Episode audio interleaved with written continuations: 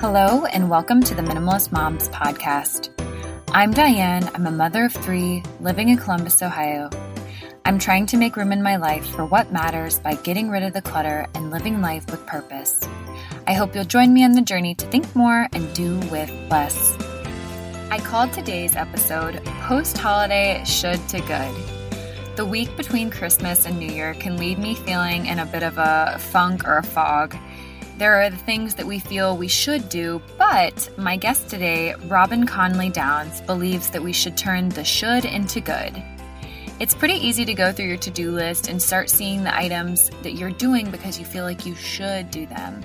And so quickly, this season that is supposed to be full of light, joy, and hope adds up in tasks from various categories in our life. Whether you feel that you should because you used to in the past or because you see someone else doing it, flipping that script on how you want to feel from should to good will allow you to reclaim your experience, your attention, and energy. I hope this all makes sense to you, and if it doesn't quite yet, keep listening and it will allow Robyn to explain her mindset here. But before we get to the conversation, I wanted to encourage you to leave a rating and review if you haven't done so yet. Leaving a rating and review on iTunes is the best way that you can help this podcast succeed and grow. Another way to support the podcast is by checking out some of the advertisers I display here on the show, such as Goodnight Stories for Rebel Girls podcast. Have you been searching for a podcast that the whole family can listen to? What about one that includes positive role models for your daughter? Only 19% of children's books showcase women with jobs or career ambition, and by the age of six, many girls already believe that they're less smart than boys. If you're looking for a podcast full of encouragement told from a woman first perspective, I have one just for you. The award winning podcast, Goodnight Stories for Rebel Girls, is back with an all new season. This time, you'll meet amazing immigrant women from all over the planet that have changed the world in so many ways, like Carmen Miranda, an acclaimed dancer and movie star from Brazil, or Noor Inayat Khan, a princess who became a spy. Because positive role models are critical to showing girls what's possible when they dream bigger. The Goodnight Stories for Rebel Girls podcast is a resource for parents and teachers to inspire, educate, and instill confidence in little rebels everywhere.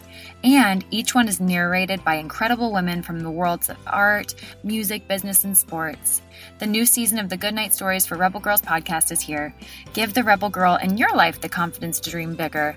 Find Goodnight Stories for Rebel Girls wherever you listen to podcasts. Thank you again for always sticking with me when I share the sponsor with you. Again, sponsors are a way that I can continue to bring you this content for free. So I highly recommend, again, if you haven't checked this out, head over to the iTunes player and search Goodnight Stories for Rebel Girls podcast. And also, while you're there, head on over to Minimalist Moms and leave a rating review. All right, and now here's my conversation with Robyn. Robyn, thank you so much for joining me on the Minimalist Moms podcast. Oh, thank you so much for having me. Yes, this is actually the second time that we've spoken, and I'm looking forward to chatting again. But maybe for listeners that didn't listen to our first interview, could you just go ahead and maybe reintroduce yourself? Well, thanks so much for having me back. I loved our conversation last time. And if you didn't get to hear that one, um, I'm Robyn. I have a book out called The Feel Good Effect. I have a podcast called The Feel Good Effect. And then I have a website um, called Real Food Whole Life. And I like to talk about small shifts that lead to big change and help people find ways to feel really good in their lives right now, like in real life, which has been such a um, exciting adventure this last year, 2020, is how do you take those teachings that I've been talking about for years and really put them into action in, in some really challenging times that we've been going through. Yeah, absolutely. I think it has been a challenge to really, I guess, take take a taste of my own medicine during this time. It has been Yeah. I've had to confront that in myself and say, okay, do you really will you really follow through on the things that you've been preaching. So, yeah. So today we're going to be talking about should to good. We'll go ahead and talk about how to apply that mentality, but I just want to know what does that mean to you? So, one of the things that has happened over the years as I've taught the feel good effect is really understanding from a research perspective, and that's sort of my background is neuroscience and behavior change and how we create and keep habits. So how we change long term, but then also working with people in real life is uh, the barriers or the things that keep us or hold us back from changing. Mm-hmm. One of the things that I've learned over the years is how often should is a barrier. How often should the word should, and we can talk, well, explain that, um, not only stands in our way, but makes us feel guilty and um, regretful and takes us out of the present moment and overcomplicates things. I know you talk a lot about simplifying here um, on your podcast. And should is really, I mean, if you think about your own thinking, think about how often the word should comes up. Mm-hmm. You know, whether it's about wellness, whether it's about how you're eating, how you're meal planning, you know, even something as simple as holiday cards, you know, or decorating your home or how you take care of your children. Whatever that is, the word should comes up a lot. And really, should is an indicator of us like looking outside ourselves and comparing ourselves and holding up to you know standards that may or may not align with our own values or how we want to feel so what I've tried to do is help people through this very simple like mantra and question is flip the script from should to good. So when you hear that word should, that it's a, a time to pause and ask, um, do I want to continue down the path of should, or can I realign or ground for what is good for me, or what's good for my family, or what's good for my community? Um, and I find that that's been really life changing for people like it helps you take your power back helps you simplify mm-hmm. and helps you kind of clear the clutter in your life when you realize how often should comes up and how often we chase things like from that place that aren't really that important yeah and i'll be honest i am somewhat of a person that doesn't care so much for little sayings that we can use to remind ourselves that said I have found that when I do remind myself and I do put that at the forefront of my mind, one, it, it's harder to like really focus on and dwell on that, but also it's so beneficial. I guess I'm just talking to my skeptical slash cynical listeners when they hear these little catchphrases. It really is significant when applied. Yes. And I'm so glad you said that, Diane, because I too am a cynic and a skeptic. and so some people really resonate with the word mantra. Mm-hmm. Um, but if that doesn't work for you or you don't love that idea, I mean, my, like I said, I'm a neuroscientist and from a metacognition standpoint, from a brain chemistry standpoint, when you can have something to like to pause your thinking and allow a different way you actually are creating different wiring in your brain so from a very like tactical practical perspective, having just a just something that pauses you to pull you out of an old way of thinking can be really powerful. Mm-hmm. So if you're a mantra person, call it a mantra. If you're not, you can call it something else. But just know that it's actually rewiring your brain mm-hmm. and that more often than you ask that question, should to good, is this the should, is this a good, you start to mm, it becomes automatic and you start to have more control in your of your decisions because you're not just going down a path of should without even thinking about it. Absolutely. And I know for myself, I don't know if we would say that this type of thought process happens in the prefrontal cortex without getting too much into the science uh, aspect of this. But even just the other day, I'm trying to learn how to bite my tongue a little bit more. I feel like I'm usually a type of person that just will either go on tangents or I'm just happy to give my opinion. And maybe 2020 has brought that out in me even more. But all that to say, I was around someone that I was wanting to just not go down that path. It's never benefited our relationship. And I am trying to work on that. And I really had to tell myself, what is the benefit of your statement? And that was in, I felt like it was right under my forehead. I don't know. I felt like it was in the forefront of my mind. And I had to specifically think about that process as it was, I was doing it. But I'm like, okay, this always seemed to be very hard. Like I always just thought I was the type of person to, think that that was impossible for me to bite my tongue or to keep my opinions to myself. And I was like, no, you just haven't practiced that. You haven't kept it at that forefront of your mind. So I think that really, like you said, it becomes you're in autopilot or it is a habit when we just choose to think that way. To return to what you just said, if you feel like this is a little bit challenging, that's normal mm-hmm. because. Mm-hmm you've been practicing one way of thinking for as old as you are. So, for example, I'm 40. There are certain thought patterns that I've been thinking for 40 years yeah. or 35 years, you know? So, um, it's like a muscle in your brain, these pathways. It's not like you can just decide one day and it's going to change. It does take practice. That's normal and that's good.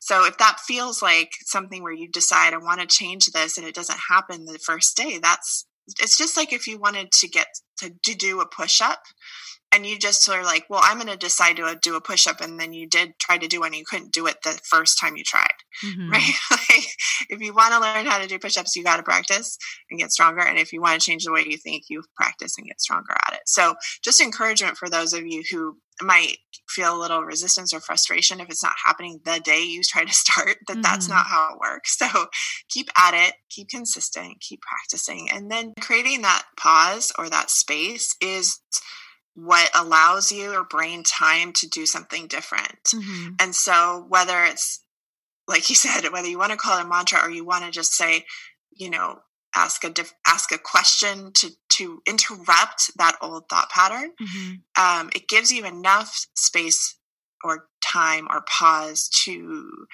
um, not do the automatic thing because our brains are really really good at um, efficiencies our brain wants to make everything automatic but of course there's some things that are automatic that are not serving us mm-hmm. you know whether it's sh- all the shoulds or whether it's giving your opinion all the time when somebody might not need it. And the way to get out of that automaticity when it's not serving you is to pause. So yes. whatever it takes. The thing that you just said that's so amazing though is that yes, even in our as we age, there's still ch- a chance to change. Yes. So you said I didn't think I could, but you absolutely can and it's those little shifts of thinking that can make all the difference. For many of us, the holidays will look different this year. Family and friend reunions might not be the same, but that shouldn't stop us from feeling close. That's why I'm giving my loved ones the most meaningful gift this year a chance to tell their story and share memories using Storyworth. I chose to send Storyworth to my mom, and I love that the question prompts are ones that I really hadn't thought to ask before. It has really allowed me to get to know her on an even deeper level despite already having a close relationship. Every week, Storyworth emails your family member different story prompts, questions you wouldn't necessarily think to ask, like what have been some of your greatest surprises and what's one of the riskiest things you've ever done. Reading their weekly stories is fun and makes our family feel close even if we're not all together. I loved finding out more about my parents' love story, how they first met, started dating, and were married. Things that, again, you thought you knew, but were just expressed in so much more detail through the ability to sit down and write out the story. After one year, Storyworth will compile every answered question and photo you choose to include into a beautiful keepsake book that's shipped for free. My family will truly treasure this book forever. Give your loved ones the gift of spending time together wherever you live with Storyworth. Get started right away with no shipping required by going to storyworth.com slash minimalist. You'll get $10 off your first purchase. That's storyworth.com slash minimalist for $10 off. Is there something interfering with your happiness? Is something preventing you from achieving your goals? Mental health has become much more of a topic of conversation and just something that we're more aware of and comfortable talking about these days. However, there truly can be a lot of stress associated with trying to find the right healthcare provider. That's where BetterHelp online counseling comes into play. With BetterHelp, I have been able to see the ease in which you can receive that care that you're looking for. All I had to do was go to the website, fill out a survey of what I was looking for, and I was set up with my own personal counselor. The option to have a counseling session from the privacy of my own home, plus the fact that I didn't have to worry about a babysitter for my three kids, made BetterHelp even more convenient for me.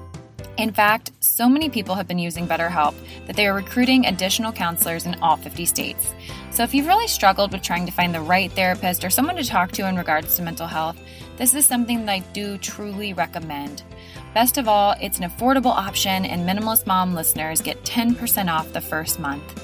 I want you to start living a happier life today. So as a listener, you'll get 10% off your first month by visiting betterhelp.com/minimalist. Join over 1 million people taking charge of their mental health. Again, that's BetterHelp, H-E-L-P dot com slash minimalist. but how do we take the mindset of should to good during maybe that week between Christmas and New Year's where it feels so chaotic and it feels like maybe even lazy or unproductive? How do we take that mindset and apply it to this time and even beyond that? Yeah. I've been comparing the whole year 2020 to the week between Christmas and New Year. This whole year has felt like that to me. It's like you don't really know what day it is. Um, you're kind of wearing like sweats all the time. Like half the rules are out the window. But I also find that whether it's the this week between Christmas and New Year or all of this past year, there's something really amazing about the sort of pause that happens. You know, where you're like for example during this week the big holidays are over and we're heading into a new year um, or for the whole of 2020 there's been this giant pause right mm. on so many things in our lives and i heard this quote the other day actually from taylor swift she said she's talking about the album that she wrote during quarantine mm-hmm. and how different it is from her past work and how the pause allowed her to do something that she'd always wanted to do but never was able to for whatever reason. And she said because she said because if we're going to have to recalibrate everything we should start with what we love the most first. Isn't that good? Yeah, that's great. Because i thought okay we are if we're going to have to recalibrate everything which we many of us have had to do mm-hmm. why don't we start with what we love the most first and that's what I've been thinking about for this week, you know, and going into a new year is the shoulds are not the things I love the most. The goods are the things I love the most. So, from a tactical perspective, instead of thinking about like how to, you know, new year, new you, what if you thought about, you know, new year, do you? Like, take this time to think about what are your good. I think it helps people to think about it really specifically. So mm-hmm. let's say mm-hmm. that you were going to do some lists or some journaling. I know not all of you are journalers, so it could just be a list. Like a, I know some of you are list makers. Mm-hmm. so whether it's a journal list, a voice memo, however you choose to record this information, is what if you did a should to good list for the various areas of your life. Mm. Um, so you could do a should to good when it comes to parenting. You could do a good should to good when it comes to relationships. I like to do meals, movement, and mind for wellness, like should to good for food, should to good for exercise. You don't have to do all of these, by the way. Um, but I think if there's an area of your life that you feel could use a little revamp, recalibration and starting with what you love the most first, really identifying your shoulds and your goods might give you a place to start from. Mm. It really does come down to priorities. I, I think that that's what I'm hearing in Taylor Swift's quote as well. Like, it's just what do you prioritize the most? And that's where you put the emphasis. It is, but a lot of us don't know what that is. Mm-hmm or I don't know that we take the time to really identify it often. And then if we do identify it, we don't take the time to look at how our actions are aligned with what we value or how we want to feel. And then ask ourselves are those our priorities or have we made other things priorities yes and i like the list making because again it seems too easy to be worthwhile sometimes i think that. But have you done it? And have you followed through with with after having done that have you followed through consistently? The cynic in me has discredited things that have been really beneficial once i have followed through and been consistent with those things. Mm-hmm. and there's actually something just scientifically that happens when you write write things down mm-hmm. neurologically. So I know that it seems like, well, I'll just think about it during this podcast and then whatever. That's great, but there literally is something that happens when you write it down that you're able to process thoughts in a different way. So I urge you to try it, like mm-hmm. Diane said. Not again, it's not woo or like manifesting. It's truly just about helping you get clear. Yes. What's important. And that clarity piece is so difficult, especially if you're a mom and you've got like a million interruptions. I mean, we were talking before we came on about how like you're in a car recording. I'm like, uh, the garbage truck is about to go by my window and like dump a bunch of glass into the back of the garbage truck and it's going to be really loud and I can't do anything about it. We're constantly being bombarded with interruptions and distractions. So why not give yourself the gift of actually writing down what matters to you? Yeah. Of writing down where your values and your priorities lie and then asking if you're aligned with that. That to me is the most powerful thing you can do going into a new year rather than writing out a quick list of goals without any kind of connection to what to, to your values or how you want to feel. Mm-hmm. No, absolutely. It's funny you said that. And my daughter, she's supposed to be in her room and for quiet time right now, and she just came to the door and she's waving at me. She's sick. I'm sure. I'm, just, I'm, like, oh no, don't let me lose my train of thought with Robyn. But well, I mean, this is the year of losing the train of thought. Like I, you know, like literally the garbage truck is about to dump or the recycling in the back and mm-hmm. it's going to make this huge loud noise and my daughter's doing pe virtually in the other room i mean you know we can talk about all the routines and habits and mindset but the fact is that like life is really challenging right now so even more beneficial to go in a closet or go in the car mm-hmm. or wherever mm-hmm. you need to go for a few minutes of quiet and make some lists and write down your should to goods and then ask yourself like how am I prioritizing and how is the actions and habits that I have aligned with this, you know, what I say matters. Mm-hmm. I guess besides writing it down, what's another way that we could just be intentional right now before we kind of get into more? I wouldn't even say it's necessarily chaotic during that week. It just feels like you're in limbo. It's like, okay, it's not the new year. Do I start my goals? Do I not? I'm kind of sad because all the festivities are over. I don't know. It is a just really weird frame of mind that I'm in that week. So, what would you suggest other than list making? Do you have any ideas? Yeah. So, another thing that I've done a lot in my career that is you still are going to have to write something down spoiler alert just because our brains aren't actually that good at keeping everything in in our in them like we're just not made that way, especially if you get interrupted all the time. So mm-hmm. just give yourself a break. Stop trying to keep everything in your brain and write it down somewhere. But another thing that um, is really tactical that I've used from a science based approach to behavior change is um, doing like really it was in my career it was called um like for behavior intervention planning you would do what was called a behavior intervention plan when you wanted to help someone change. And what you do is you look at baseline behavior or what are you doing on a daily basis? This is like one of the most powerful things that you can do is start recording what you do mm-hmm. so that you know where you're starting from. Mm-hmm. So for example, you could do this when it comes to sleep. You could do this when it comes to food. You could do this when it comes to exercise. You could do this when it comes to screen time. And we often don't actually have a very good sense of where we're starting from. And if you don't know where you're starting from, it's very hard to know where you're going. So I always encourage people to take a couple recording days and to write, to record what's actually happening. Because sometimes you're actually doing much better than you thought and you weren't getting yourself any credit. And sometimes you're actually, things are a little bit more out of hand than you thought. And, and so if you're going to make goals or try to start with um, an intention for the new year or word or goal or whatever it is, it's really hard to do that if you don't know where you're starting from.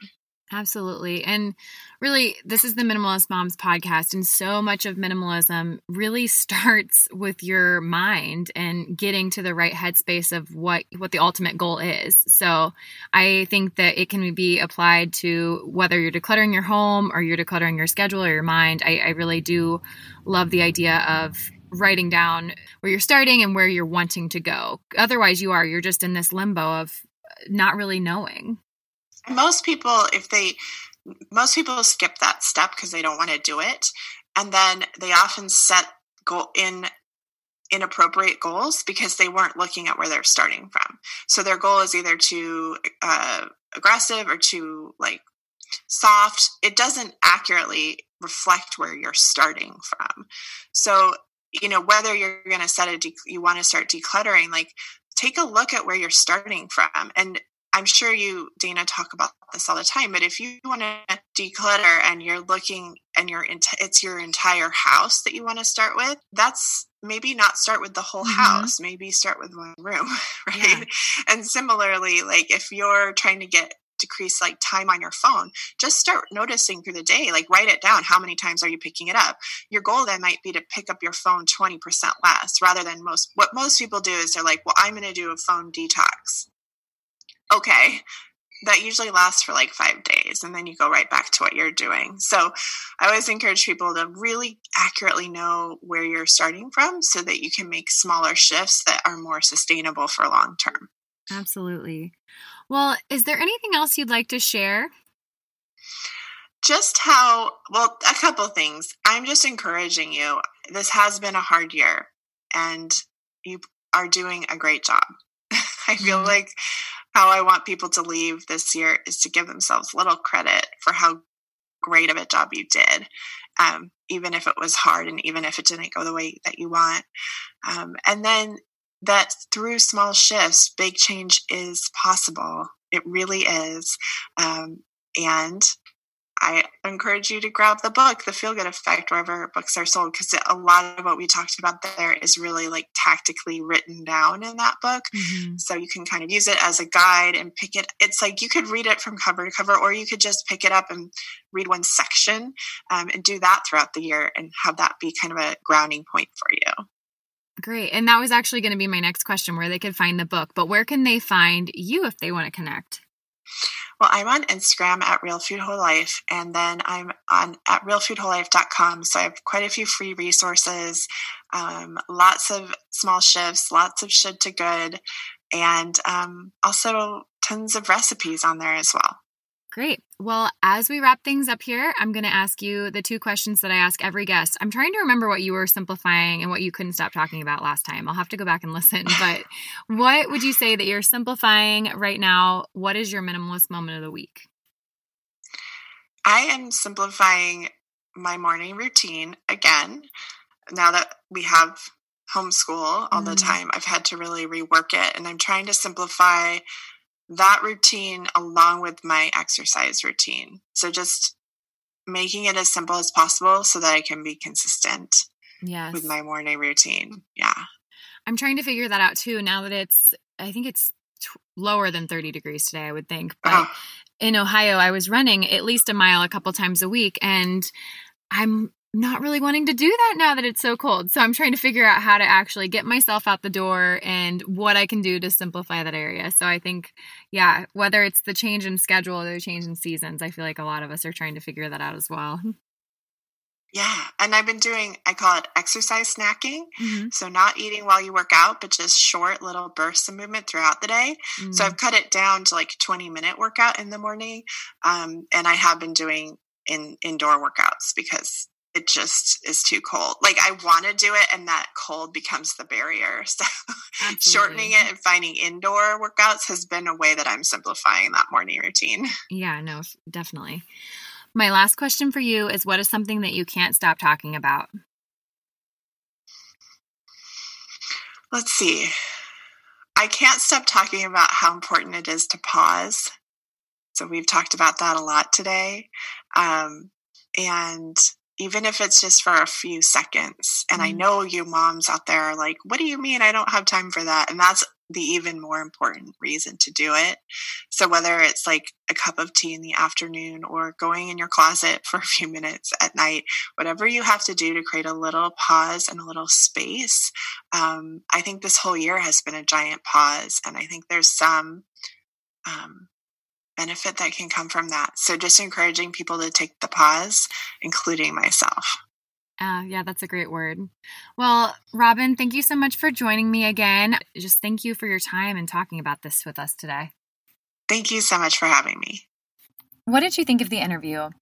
As the end of the year draws close, I'm finding that I'm spending a little bit extra time focusing on my mindset. Tis the season that we find ourselves stressed and often overwhelmed, However, when we flip our mindset to focus on the good, the pressure really does seem to be minimized.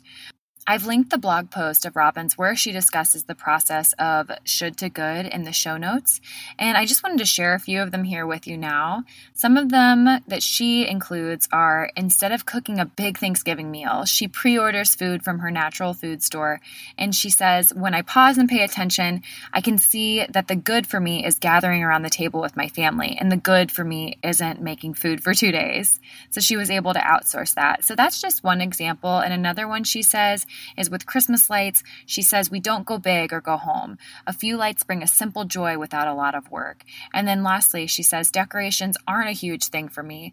I have a minimal set of decorations that I set up after Thanksgiving, and the good is watching holiday movies with a holiday drink of some kind. So, after going through her blog post, I sat back and thought about a few of my own. And one of the biggest ones for me, I would say, is celebrations. Each year, I have an annual beer tasting party with a few other couples. It's really low key, and I'm not in charge of anything except just having an open home and a couple of beers that I bring with me. So I don't feel like I need to host a big get together every year or have a big Christmas party here. It sometimes looks fun, but I know that good for me and not should for me is to just keep it simple and keep it small. And it's just honestly one of the highlights of the holiday season for me. So I'm curious to know what some of the areas are in your life that you could benefit from moving from should to good. I invite you to keep the conversation going at minimalistmomspodcast.com. There you'll find links to the Facebook page, Instagram account, and where you can find me all around the web. Thank you for joining up on this journey. I wish you a lovely week as you think more and do with less.